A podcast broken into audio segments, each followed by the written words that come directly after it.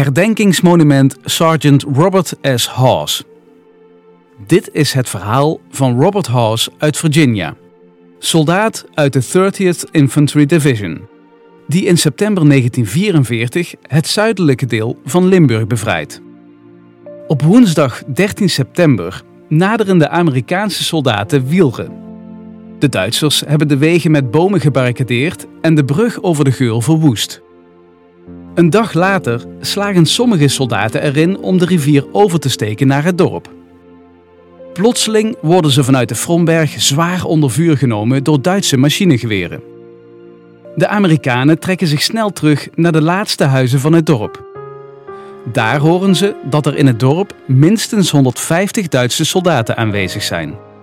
De weg waar je nu staat leidt naar de heuvel genaamd Dikke Buik. Hier wordt Robert rond 14 september 1944 in zijn hoofd geschoten, in een gevecht van man tot man.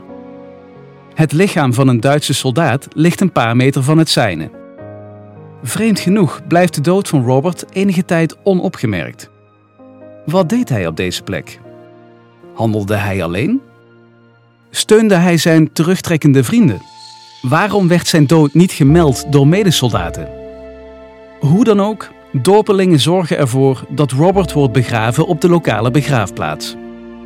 Pas in mei 1945 wordt dat bij het Amerikaanse leger bekend.